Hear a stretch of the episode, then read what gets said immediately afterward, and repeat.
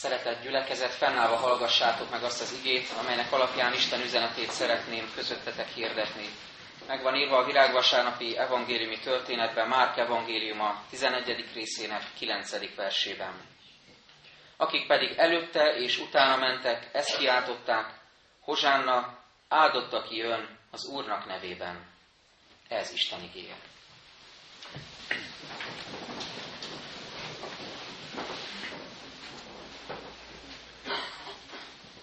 Márk evangélium a legősibb, a legtömörebb evangélium, a legrövidebben mutatja be Jézus Krisztus történetét, és az a furcsasága, hogy a leghosszabban mutatja be a passió történetet arányaiban. Egy hosszú felvezetés után jön a lényeg, a passió történet, a nagy hétnek az eseményei, virágvasárnap, nagy csütörtök, nagy péntek, majd húsvét. Erről beszél a legtöbbet, erről ír a legtöbbet Márk evangélista. Azt mutatja ezzel meg, hogy bár fontosak Jézus csodái, tanításai, csodatételei, az emberekkel való beszélgetései, gyógyításai, mindez fontos, de a legfontosabb mégis az, amiért jött Jézus, hogy megváltson bennünket, és hogy feltámadjon a halálból harmadnapon. Így a bőjt időszakának vége fele nekünk is jó erre figyelni, ahelyett, hogy nagy látványos dolgokat keresnénk, kutatnánk és hajszolnánk, látvány elemek keresése helyett figyeljünk lecsendesedő szívvel a lényegre, hogy mit tett értünk Jézus, hogy ne azt kutassam újra meg újra, hogy én mit tegyek, vagy én mit tehetek, hogy én mit teszek Jézusért, ez is fontos lehet, de most inkább arra figyeljünk, hogy mi az, amit Jézus tesz, hogyan érkezik meg ő élő, cselekvő úrként a mi életünkbe is. Mit jelent számunkra ma a virágvasárnapi esemény? Hogyan érkezik meg Jézus királyként az életünkben? Az első, amit látunk az igénkben, hogy Jézus feladatot ad a tanítványainak. Amikor elolvassuk, akkor kicsit olyan meseszerűnek tűnik minden, olyan kicsit nyakatekerten van megfogalmazva, hogy mit is mond Jézus, hogy el kell menni, aztán fogtok találni egy szamarat, akkor fognak valamit kérdezni, válaszoltok, idehozzátok, visszaviszitek. Szóval nagyon furcsának tűnik ennek a leírása, de semmiképpen nem a mesék világából van ez, de meg kell látnunk, hogy egy profécia teljesedik itt be, majd fogunk is rá utalni, beteljesedik a messiási jövendőlés azáltal, hogy Jézus Szamárháton alázatosan és mégis hatalmasan vonul be királyként Jeruzsálembe. De vajon mit fejez ez ki számunkra? Miért ad ilyen feladatot Jézus a tanítványainak? Az első, amire figyeltünk, az, hogy Jézus ezzel kifejezi az ő teljhatalmát. Az, hogy minden hatalom neki adatot menjen és földön, ahogy hallottuk a szereztetés igében, a missziói parancsban, keresztelés kapcsán is. Minden hatalom az övé, menjen és földön. Megláthatjuk tehát először Jézus, mint királyt megérkezni, bevonulni, úgy, mint aki minden hatalom menjen és földön. Vagy ahogy a 24. Zsoltár beszél erről, hogy Isteni hatalom az Úré a föld, és mindaz, ami betölti. Elsőként tehát ezt jó tisztázni magunkban az ige segítségével, hogy minden az Úré, az alkotó, a teremtő Istené. Különösen Fontos ezt átgondolni abban a világban, amiben, most először így mondom általánosan, amelyben az ember, aztán ha magunkra ismerünk, az lehet, hogy nem a véletlen műve, tehát amelyben az ember nagyon sokszor hasonlítható egy két éves gyermekhez, akinek mindenképpen az első szavai között van, a szókészletében van, talán nem sokkal azután, hogy azt mondja nem, vagy azután, hogy apa, vagy mama, hogy enyém. Hogy ki mondja, hogy az enyém. Valami az enyém. Ezt tisztázni kell, azt is tisztázni kell, hogyha valami a testvéremé, abból kevesebb van mindenképpen. A lényeg az, hogy mi az, ami az enyém. Ezt egy gyerek nagyon hamar, én ezt láttam a saját gyerekeinken is, nagyon hamar igyekszik tisztázni a maga és a szülei számára is, hogy mi az, ami az enyém. enyém. Nagyon sokszor kell ezt elmondani, hogy világosak legyenek a határok. Az a gond, amikor ez felnőtt korban is rögzül. Megmarad bennünk ugyanez a szemlélet, hogy minden az enyém. Mindenre, mindenre azt kell mondanom, ezt kell látnom, mindenben, ami körülvesz engem, hogy ez az enyém. És így gondolok mindenre. Enyém az életem, enyém a testem, úgy bánok vele, hogy akarok, enyém a lelkem, enyém az időm, amiből amúgy is nagyon kevés van, nehogy már valaki beleszóljon, hogy hogy osszam azt be. Enyémek a képességeim, a tehetségem, a lehetőségeim, enyém a gyerekem, ennél a pontnál megállva mondhatjuk, hogy nagyon fájdalmas tapasztalat az, vagy egy idő után persze felszabadító tapasztalat, amikor rájövünk, hogy ez nem így van. Nem az enyém a gyerekem, Isten ajándékba adja a gyermeket, egy időre elkísér az utamon, és ne, nekem nem az a feladatom, hogy megvalósítsam önmagamat a gyerekemen keresztül, vagy azt mondjam neki, hogy már pedig édesfiam, ez lesz belőled, ha a fene fenét eszik is. Szóval nem ez a feladatunk, hanem az, hogy Istentől ajándékként fogadjuk el a gyermeket, és aztán majd útjára bocsássuk őt, és hálát adjunk érte egészen idős korunkban is, visszatekintve az ő gyermekségére. Tehát sokszor mégis ezt mondjuk, enyém a gyermekem, enyém a pénzem, természetesen ezt sem lehet kihagyni, nehogy ebbe is valaki beleszól, hogy hogyan osztom be, mire költök, hogyan bánok vele, enyém a pénzem, enyém a vagyonom, ráülök, ugye, mint a dráma hőse, ráülök a ládámra, és nem adok belőle senkinek, és azt gondolom, hogy ez tesz engem boldoggá.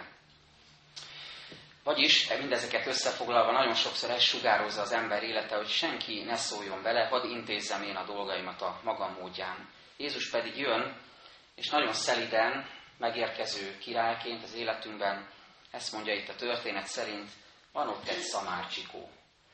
Hogyan kapcsolódik ez ide?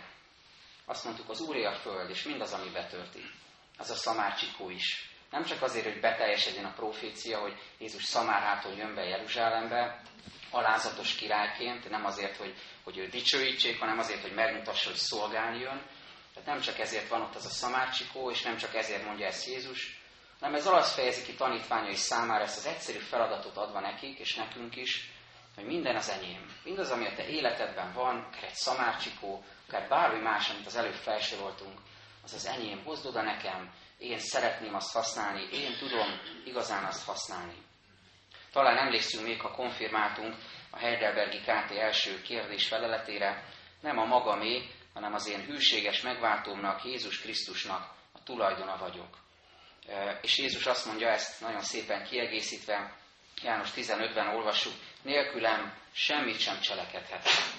Annyi kampányszöveget láttunk az utóbbi hónapokban, azon gondolkoztam, hogy ez a mondat, amit Jézus mond, hogy nélkülem semmit sem cselekedhettek, nagyon visszatetszés keltett volna, hogyha ezt az emberek így hallják, emberi kontextusban. Valaki azt mondja magáról, hogy nélkülem semmit sem cselekedhettek, abba bele lehet bukni, ha valaki így kampányol. De Jézus nem kampányol. Amikor Jézus ezt kimondja, nélkülem semmit sem cselekedhettek, ott van ebben az a mély igazsága a Szentírásnak és az emberi tapasztalatnak is, hogy Isten nélkül semmi vagyok. Isten nélkül bármit felhalmozhatok, nagyszerű dolgokat tehetek, és elérhetek a karrieremben is, de nélküle valóban semmit sem cselekedhetek. Jézus feladatot ad tehát a tanítványoknak, menjetek, találtok majd egy szamarat, hozzátok ide, és majd utána vissza is vihetitek. Ugyanígy nekünk is feladatot ad Jézus azért, hogy rádöbbenjünk, hogy minden az övé. Nincs semmi az életemben, ami valóságban ne az övé lenne, és ne tudná ő felhasználni a maga céljára, a maga dicsőségére és a mi javunkra. Hiszem, hogy most, ahogy mindez hangzik közöttünk, úgy, mint a, színházban egy reflektor rávilágít a főszereplőre, most az igének a, és a Szentléleknek a világossága is rávilágít kinek-kinek az életében azzal kapcsolatban, vagy arra, ami, ami a legfontosabb, és meg, megláthatjuk azt, mire mondjuk azt, hogy ez az enyém. Mire mondom én azt újra meg újra, hogy ez az enyém, és nem akarok tőle megválni. És erre nézve ezt üzeni mindannyiunknak most Jézus, hozd ide nekem, mert az Úrnak szüksége van rá. Jézus bevonulásának, Jeruzsálembe vonulásának, ez az egyik ö, legfontosabb és az első mozzanata, hogy ő személyesen az életünkben is ezt mondja, hogy ő jön, és odalép az életünkhöz, és szeliden leakasztja azokat a táblákat az életünk kapujáról, kerítéséről, amire ez van írva, magánterület, vagy belépni tilos, vagy vigyáz a kutya harap, vagy bármi más hasonló, amivel próbáljuk kívül tartani a nem kívánatos betolakodókat, és egy egészen más táblát helyez a helyére, ahogy Izsaiás könyvében olvassuk, ne félj, mert megváltottalak, neveden szólítottalak, enyém vagy. Vajon engedem ezt a táblacserét Jézusnak? Ez a kérdés először, hogy ő bevonul az életembe, engedem-e neki, hogy levegye a magánterület táblát, és oda tegye helyére, hogy én megváltottalak, az enyém vagy, szabadulj fel az én dicsőítésemre, és engedd át nekem mindazt, ami az életedben van, mert én tudlak boldogá tenni. De tovább tanulmányozva a virágvasárnapi történetet, megláthatjuk benne Jézus alázatos magatartását is, amelyel nekünk is példát ad alázatból. Mert Jézus nem csak hatalmas királyként érkezik meg, aki kinyilvánítja teljhatalmát, hogy minden az enyém ezen a földön, tehát a te életedben is minden a, a, az én dicsőségemre lehet, és a te javadra lehet. Tehát nem csak ezt mondja, hanem alázatosan érkezik meg. Ahogyan a köszöntő igében olvastam Zakariás proféta könyvéből, ez a profécia teljesedik be, királyod érkezik hozzád, aki igaz és diadalmas, alázatos és szamáron ül. Milyen különös, hogy több száz évvel Jézus megérkezése előtt elhangzik ez a profécia, és egyszer csak ott, ott látjuk az evangéliumi történetben, hogy ez megvalósul, ez az alázatos Jeruzsálembe vonulás. Mert Jézus ilyen királyként érkezik. Arra gondoltam, hogy micsoda kombináció ez, hogy valakinek teljes hatalma van, az egész világon telj hatalma van, és ugyanakkor tökéletes alázat is van benne. Ez az, amit hiába keresnénk az emberi történelemben, valószínűleg nem találnánk meg. Nincs erre analógia, nincs erre igazán példa, hogy valaki, akinek teljes hatalma van, az alázatos is tud lenni. Sőt, inkább az ellenkezőjét tudjuk sokszor megtapasztalni, meglátni. Ha valakinek van hatalma, akkor óhatatlanul megjelennek az életében a torzulásnak a jelei, és nem tud teljesen odaadott életű és alázatos lenni. De fordítva is igaz ez, ha valaki igazán alázatos, akkor meg nem jut olyan pozíció, vagy nem jut olyan helyre, hogy, hogy hatalmat tudjon gyakorolni. Tehát ez a kettő valahogy nem jön össze az embervilágban. És olyan szép meglátni, hogy Jézus életében ez megvalósul a teljhatalom, hiszen ő a királyok király, az uraknak ura. Ő alkotott mindeneket, övé minden. És ugyanakkor ott van a tökéletes és teljes alázat is benne. Olyan nehezen tudjuk ezt befogadni és gyakorolni legfőképpen. Pedig, hogyha azt mondjuk magunkról Krisztusi életet akarunk élni, keresztény életet, akkor ezt is el kell fogadnunk. Ez egy nagyon fontos Krisztusi vonás, hogy alázatban kell járni, alázatban kell megélnem az életemet. Nem hiányozhat belőlem az alázat. De ez az alázat nem csak azt jelenti, hogy egy kicsit összép húzom magam, és próbálok úgy tenni, mintha ott se lennék, vagy hogy szokták mondani, hogy bocs, hogy élek. Ugye vannak ilyen emberek, akiket ismerünk, hogy inkább úgy visszahúzódik, és mintha ezt, ezt jelenteni az alázat. Tehát nem ezt jelenti, hogy úgy meg se próbálok megnyilvánulni, hozzászólni, vagy úgy teszek, mintha ott se lennék. Nem ez az alázat, hanem valami mélyebb ennél, valami sokkal teljesebb. Az alázatos Krisztusi lelkület az valójában szemléletváltást jelent. Az, az, az alázatos ember fölfedezi azt, hogy az életének a forrása és a célja is Isten. Minden, ami az életébe jön, és áldásként, jóként jön, az Istentől jön, és minden, ami célként megjelölhető, az, az is Isten. Egy pesti, dunaparti lakótelepen nőttem fel, két évtizedet éltem ott, és nagyon fontos számomra az a hely, és különösen a, a Dunának a közelsége, ahol sokat lementem, sokat jártam oda, és már kamaszkoromra visszaemlékszem, amikor ilyen távolba révedő gondolatokkal bámultam a Dunát, és, és, és valami gondolat megfogalmazódott bennem. És most, amikor olvastam ezt az igét, és az alázatról gondolkoztam, akkor ez ugrott be újra ez az élményem, hogy olyan különös abba belegondolni, hogy az ember ott van mondjuk Budapesten, és, és szemléli a Dunát, de ugye a Dunának valahol van egy kezdete, és valahol van egy vége. Ugye a fekete erdőben ered, és aztán a fekete tengerbe szalad bele ez a lassan hömpögő folyó a végén. Én egyiket se láttam, nem voltam ott se a kezdeténél, nem láttam a forrás sem, és a végét sem, legfeljebb fényképeken. De most, amikor itt szemlélem Budapesten a Dunát, akkor olyan, mintha az egésznek a, az összefüggését megérteném. Tudom, hogy van egy kezdete, és van egy vége. Az alázatos ember az, az valahogy ezt látja be, és ezt éri meg. Hogy valahol elkezdődött az életem, Istenből forrásozik, és mindaz, amit tőle kapok, az átáramolhat az életemen, és ugyanakkor van egy célja is. Nem itt, itt állok meg, és nem itt van a vége a történetemnek, hanem ennek az egésznek van egy célja. Isten valahova el akar engem juttatni. Hát számomra ezt tanította a Duna, és ezt tanít engem alázatra, hogy lássam meg mindig, hogy, hogy hol van valaminek a kezdete, és hogy hova megy ez az egész, és hogy hol van az én kezdetem, és hova akar engem Isten eljuttatni. Hogy nem én vagyok a dolgok középpontja, nem velem történik minden, legfontosabb, hanem rajtam keresztül Isten munkálkodhat mások életében is. Ezért úgy gondolom, hogy mindannyiunknak életkortól függetlenül szükségünk van az alázatban való növekedésre és az alázat megélésére. Szükségem van alázatra, ha mondjuk 16 éves vagyok, és mindenki ellen lázadok, és olyan gondolatokat fogalmazok meg, hogy hát én látom a legjobban a világot, én értem a legjobban, és mindenki más csak utánam következik, és mindenki csak kritizálok, szüleimet, tanáraimat, a lelkészemet, vagy bárkit. Szóval az a lényeg, hogy kritikát fogalmazok meg. Bizony 16 évesen is szükségem van alázatra, hogy belássam, hogy hol indul az én életem, hogy kitől tanulhatok, és hogy hova akar engem elvezetni Isten. Alázatra van szükségem, ha 20 vagy 25 éves vagyok, erőm teljében vagyok, lendület van bennem, érzem, hogy, hogy Isten valamit akar velem, és, és érzem azt is, hogy megvan rá a képességem. Sőt, néha azt érzem, magamtól is megy. Mert van elég erőm, van elég tapasztalatom, nem is kell hozzá talán Isten segítségesen. Isten alázatra tanít ebben az életidőben, életszakaszban is, hogy tudjak tanulni másoktól, hogy egy kicsit tudjak megcsöndesedni. De alázatra van szükségem, ha középkorú vagyok, ha derékadnak a része vagyok, aki már elég sokat tapasztalt, valóban jól átlátja az összefüggéseket, és nagyon jól meg is tudja ezt fogalmazni. Miért van szükség alázatra ilyenkor? Hogy rájöjjek arra, hogy nem mindig nekem kell megmondani a tutit. Nem mindig nekem kell lecsapnom a magaslabdákat a családban. Nem mindig nekem kell bölcselkednem. Lehet, hogy vannak bölcs meglátásaim, de lehet, hogy néha hallgatnom kéne. Lehet, hogy néha nekem kéne tanulnom a fiatalabbaktól, vagy a még idősebbektől. Tehát mindenképpen ez az életszakasz is alázatra csendesít.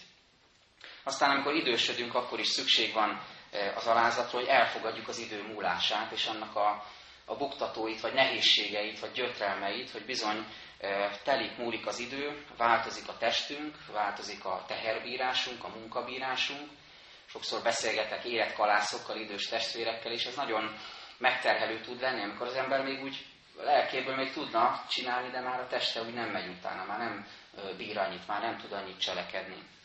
Olyan, mint amikor húznak el a 80-nal haladó autó mellett az autópályán 120-szal, meg 140-nel, meg 180-nal haladó. Tehát néha ezt élik át az idősek, hogy úgy minden elrohan mellettünk. Hát ehhez is óriási alázat kell.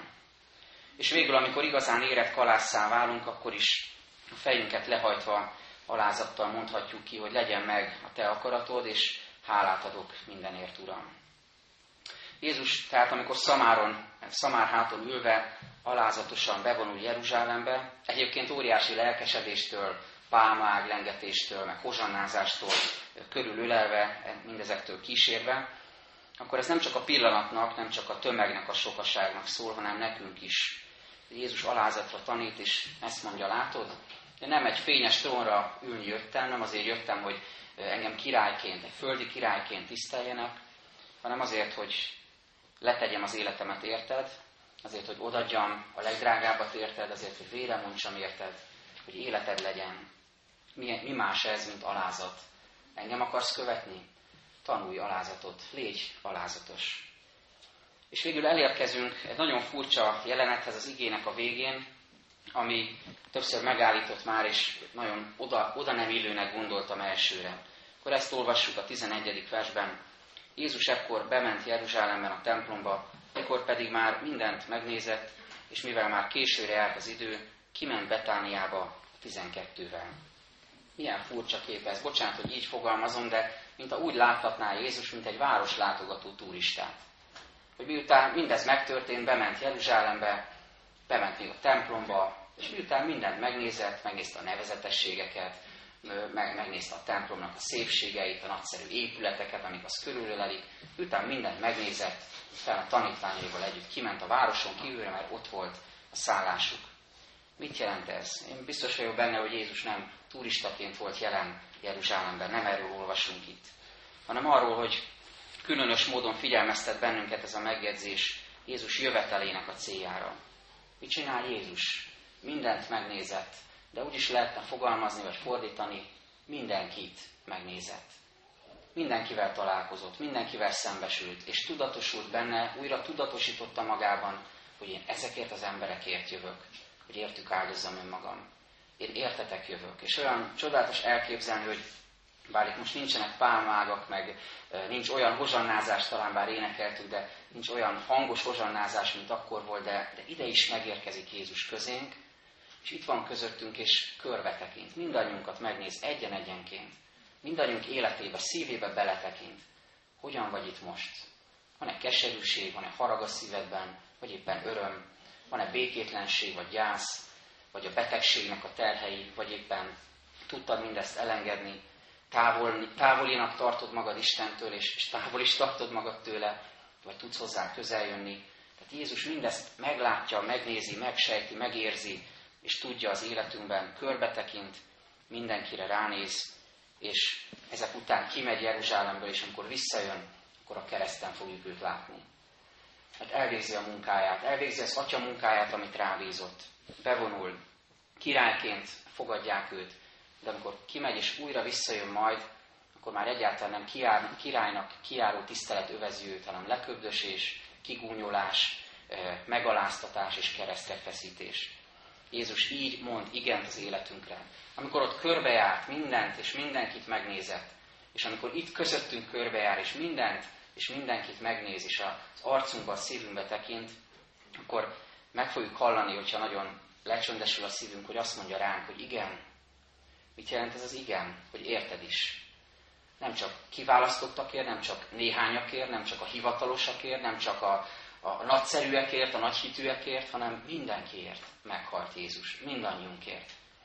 A kérdés már csak az, hogy ezt befogadom-e, elfogadom-e, és az ő igenjére tudok-e én is igent és áment mondani.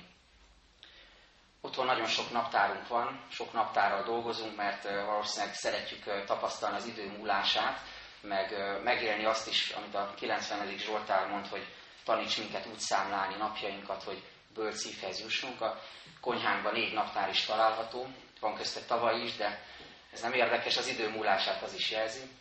És az egyik igés naptárunkban a mostani időszakra egy vörösbegy látható.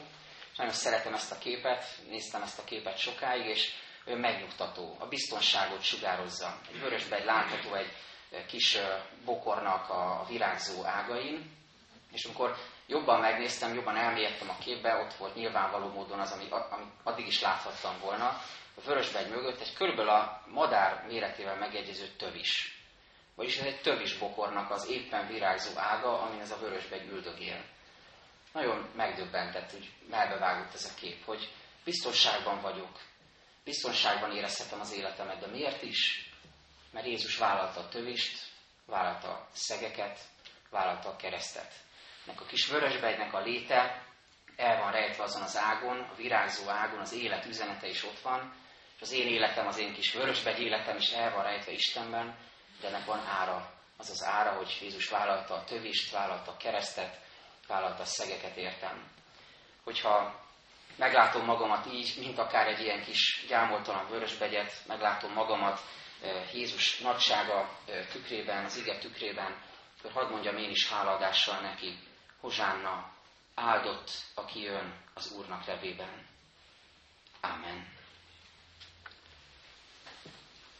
Most egy kicsit szívünkben elcsöndesedve, és imádkozva is, és az igére is reflektálva, hallgassunk meg egy zeneszámot, gyülekezetünk zenészei előadásában, Pelgorézi Stabat Máteréből, hallunk egy részletet, a nagy hétre is már készít bennünket elő ez a zeneszám, közben pedig gondolkozzunk mindazon, amit hallottunk.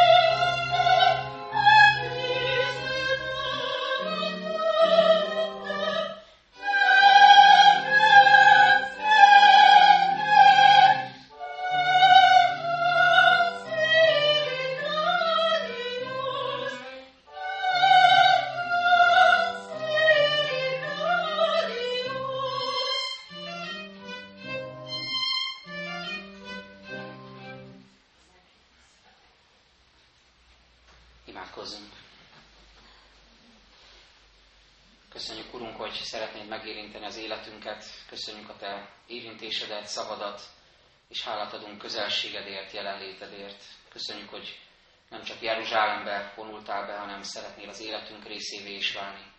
Köszönjük, Úr Jézus, királyok királya, uraknak ura, hogy Te nem csak hatalmas vagy, hanem alázatos is, és biztonságot adó.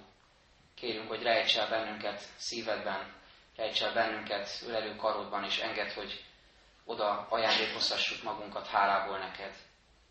Köszönjük, hogy jöhetünk hozzád a gyülekezetben, kicsinyek és nagyok egyaránt, és neked adhatunk hálát minden ajándékodért, amit akár hosszú évtizedek alatt tapasztaltunk, akár csak egy-két hónap vagy egy-két év alatt rövidke életünkben megélhettünk. Köszönjük, hogy, hogy a Te szereteted olyan hatalmas. Bocsáss meg, amikor mi szeretetlenek vagyunk egymással, és a mi elfogadásunkba, türelmünkbe, szeretetünkbe sok minden nem fér bele, mert nincs bennünk alázat. Ezért kérünk, hogy növeld bennünk az alázatot, és enged, hogy így láthassunk téged, mint hatalmas és mint alázatos királyt. Köszönjük, hogy meghallgattad a magunkban elmondott imádságokat. Most eléd járulunk közös imádságunkkal, az Úrtól tanult imával. Mi, Atyánk, aki a mennyekben vagy, szenteltessék meg a Te neved. Jöjjön el a Te országod, legyen meg a Te akaratod, amint a mennyben, úgy a földön is. Mindennapi kenyerünket add meg nékünk ma, és bocsáss meg a mi védkeinket, miképpen mi is megbocsátunk az ellenünk védkezőknek és ne vigy minket kísértésbe, de szabadíts meg minket a gonosztól, mert Tiéd az ország, a hatalom és a dicsőség mind örökké. Amen. Fennállva énekeljük nemzeti imádságunkat.